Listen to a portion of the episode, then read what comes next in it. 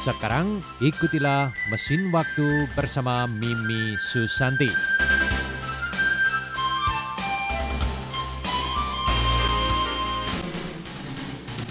Gembira sekali teman-teman kita kembali berkumpul di acara Mesin Waktu. Hari ini tanggal 4 Januari tahun 2020 masih dalam suasana menyambut tahun baru ya. Mimi di sini mengucapkan selamat tahun baru kepada Anda. Semoga apa yang dicita-citakan tercapai sukses di tahun ini. Ya, kalau menurut Imlek, bulan ini adalah bulan ke-12. Dengan lain kata, tahun baru Imlek masih belum tiba tetapi sudah di ambang pintu karena sudah berada di penghujung tahun ya. Nah teman-teman pernahkah Anda mendengar yang dinamakan Festival Lapa atau Festival Lapa Cie? Bulan ke-12 bulan terakhir dalam setahun ini disebut La Yue bulan La yang dinamakan Lapa Cie jatuh pada tanggal 2 Januari tahun 2020.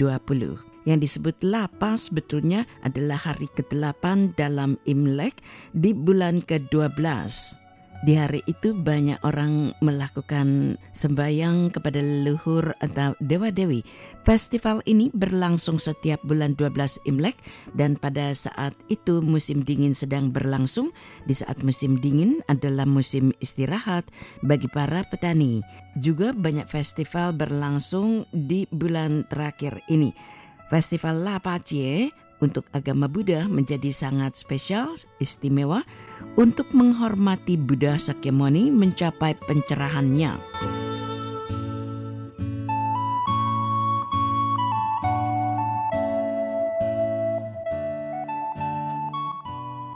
Sembayang Lapaci ini sudah ada sejak zaman purba, tetapi setelah zaman dinasti Han, barulah ditetapkan jatuh pada tanggal 8 hari ke-8.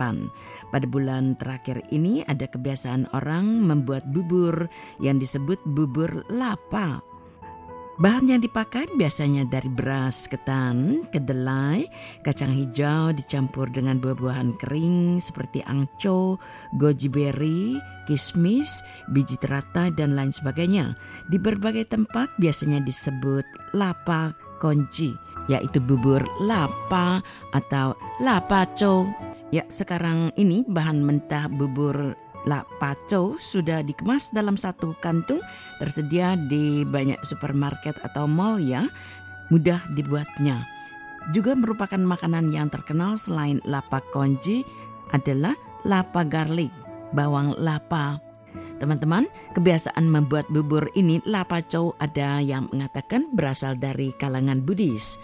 Mereka membuat ini untuk memperingati Sakyamuni pada saat menderita kelaparan dan kehausan dalam perjalanan di negara bagian Bihar, India.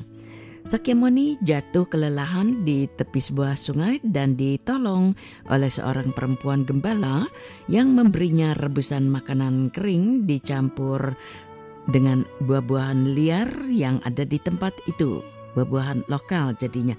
Setelah bersantap, Sakyamuni segar kembali. Ia lalu melanjutkan samadhinya di bawah pohon bodhi hingga mencapai pencerahan dan menjadi Buddha.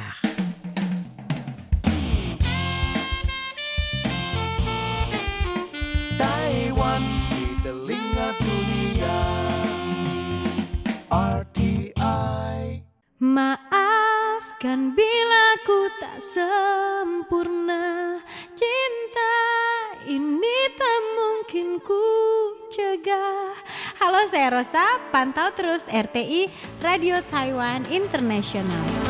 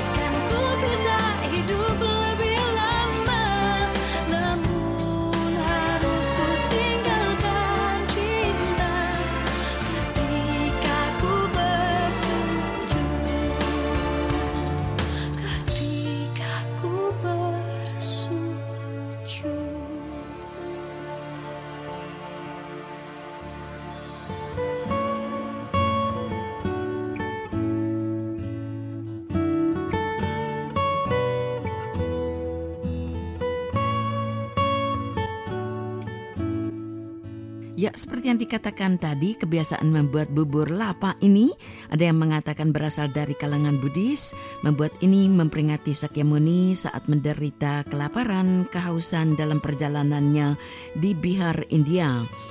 Sakyamuni jatuh kelelahan di tepi sebuah sungai ditolong oleh seorang perempuan gembala yang memberinya rebusan makanan kering dicampur dengan buah-buahan liar lokal dan setelah Sakyamuni bersantap segar kembali lalu melanjutkan semadinya di bawah pohon Bodhi hingga mencapai pencerahan dan menjadi Buddha. Penganut Buddha menjadikan hari ini sebagai hari pencerahan setelah agama Buddha masuk ke Tiongkok. Kebiasaan ini dicampur adukan dengan kebiasaan sembahyang laci pada akhir tahun, yaitu sembahyang di bulan terakhir La Yue di akhir tahun. Di hari itu, di samping pembacaan kitab suci, para biku membuat bubur yang dibagikan kepada umat sekitar vihara dan kaum miskin yang datang. Tapi juga ada versi lain yang mengatakan bahwa kebiasaan membuat bubur lapa itu dalam buku yang disebut Shen Chung Chi, sebuah buku kuno yang sekarang telah hilang, terdapat catatan tentang tiga putra Maharaja Chuan Xu yang meninggal muda berubah menjadi hantu pembawa penyakit yang khusus menakut-nakuti meneror anak-anak. Anak kecil yang terkena demam akibat ulah para hantu itu. Hantu takut pada benda yang berwarna merah. Sebab itu, para orang tua lalu membuat bubur kacang merah untuk menakuti hantu-hantu itu. Ini salah satu kisah asal mula bubur lapa. Lalu yang paling populer adalah kisah yang dihubungkan dengan Chu Yuanzhang, kaisar pertama dinasti Ming. Ketika masih kecil karena keluarganya yang sangat miskin, Chu terpaksa bekerja menjadi gembala di rumah seorang tuan tanah. Majikan ini keras dan bengis. Tidak jarang hanya karena kesalahan kecil, Chu dihajar babak belur. Suatu hari karena kerbau yang digembalakannya jatuh ke parit dan kaki patah setelah dihajar, Chu dimasukkan ke dalam gudang kosong tanpa diberi makan. Dalam keadaan amat lapar, Chu kecil berusaha berburu tikus untuk menangsel perut. Ia menemukan lubang tikus ketika dibongkar di dalamnya. Ia menemukan berbagai macam biji-bijian dan buah-buahan kering. Dari bahan-bahan itulah Cu membuat bubur dan berkat bubur itu juga ia terselamatkan. Nah setelah ia menjadi kaisar, Cu Yenchang yang bosan akan segala hidangan mewah, suatu hari teringat masa kecilnya yang penuh derita dan ia pun teringat dengan makanan yang ia buat itu. Maka ia meminta juru masak di istana membuatkan bubur seperti yang pernah dinikmatinya pada saat sengsara. Lalu ia memanggil para menterinya untuk bersama-sama menikmati. Kebiasaan ini kemudian berlanjut dan menular ke kalangan rakyat. 阳光轻轻洒下来，全世界变更精彩。生生不息的关怀，爱从这一刻展开。无论在什么地方，时间都要你明 白。说说出来，地球的爱，因为阳光而存在。就说出来，地球的爱，因为阳光而存在。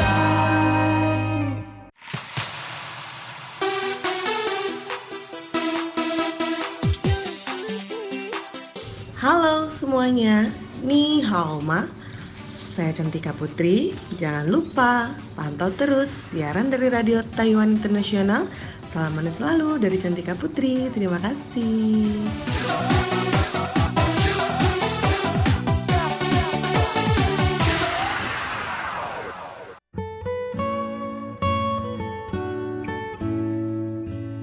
Kebenaran kisah ini masih menjadi pertanyaan mengingat dalam catatan sejarah dinasti Sung di Kaifeng yang pada waktu itu sebagai ibu kota sebetulnya sudah ada kebiasaan membagi-bagi bubur pada saat sembahyang bulan terakhir di penghujung tahun menurut Imlek.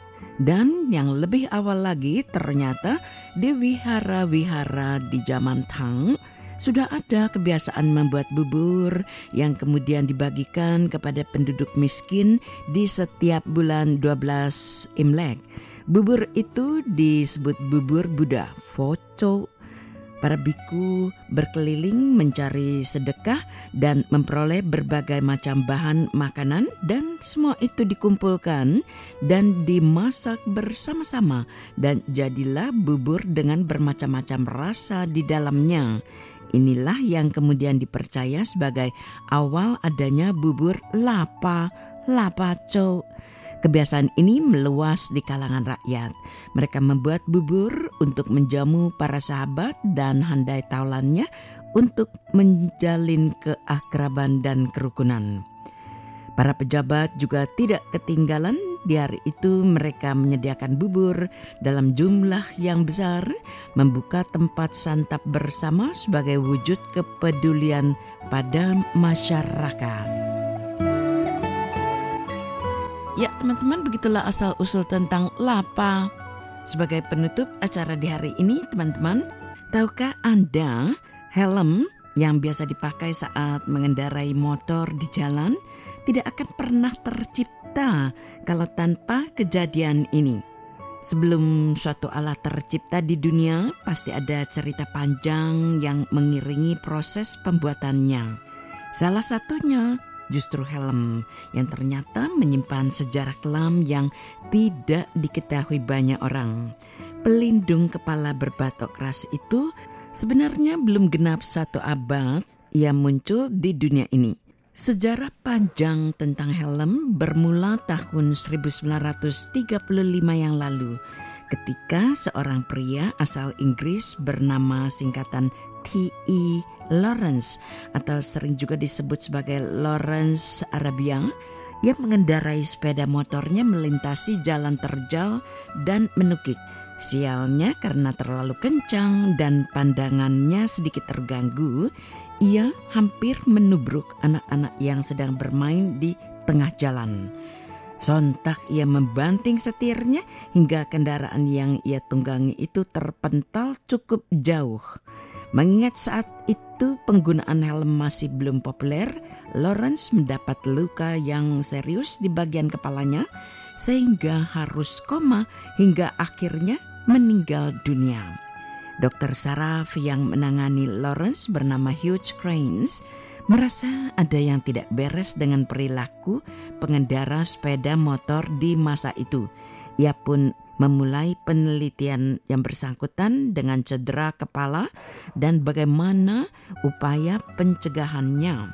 Hingga akhirnya setelah enam tahun melalui proses pengkajian, Cranes menerbitkan jurnal bernama Head Injuries in Motorcycle yaitu cedera di bagian kepala saat bermotor. Di situlah seluruh konsep dan garis besar helm pertama mulai dibentuk. Kemudian pada tahun 1941, helm pertama yang dirancang Hugh Cranes terbuat dari material karet dan gabus. Sebelum ujungnya di tahun 1953, Profesor asal Carolina Selatan di Amerika bernama Lombard melengkapinya dengan cangkang berbahan keras di bagian dalam. Sampai akhirnya awal tahun 1961, hukum menggunakan helm untuk pesepeda motor ditetapkan di Australia. Kemudian menyusul Amerika Serikat lima tahun setelah Australia juga menetapkan hukum penggunaan helm saat bersepeda motor. Kemudian tahun 1971 Helm full face yang menutupi wajah pertama juga dibuat di dunia. Setelah itu evolusi pengaman kepala bisa dikatakan terhenti sebab tidak ada pembaruan yang berarti kecuali motif ataupun teknologi yang baru yang mendukung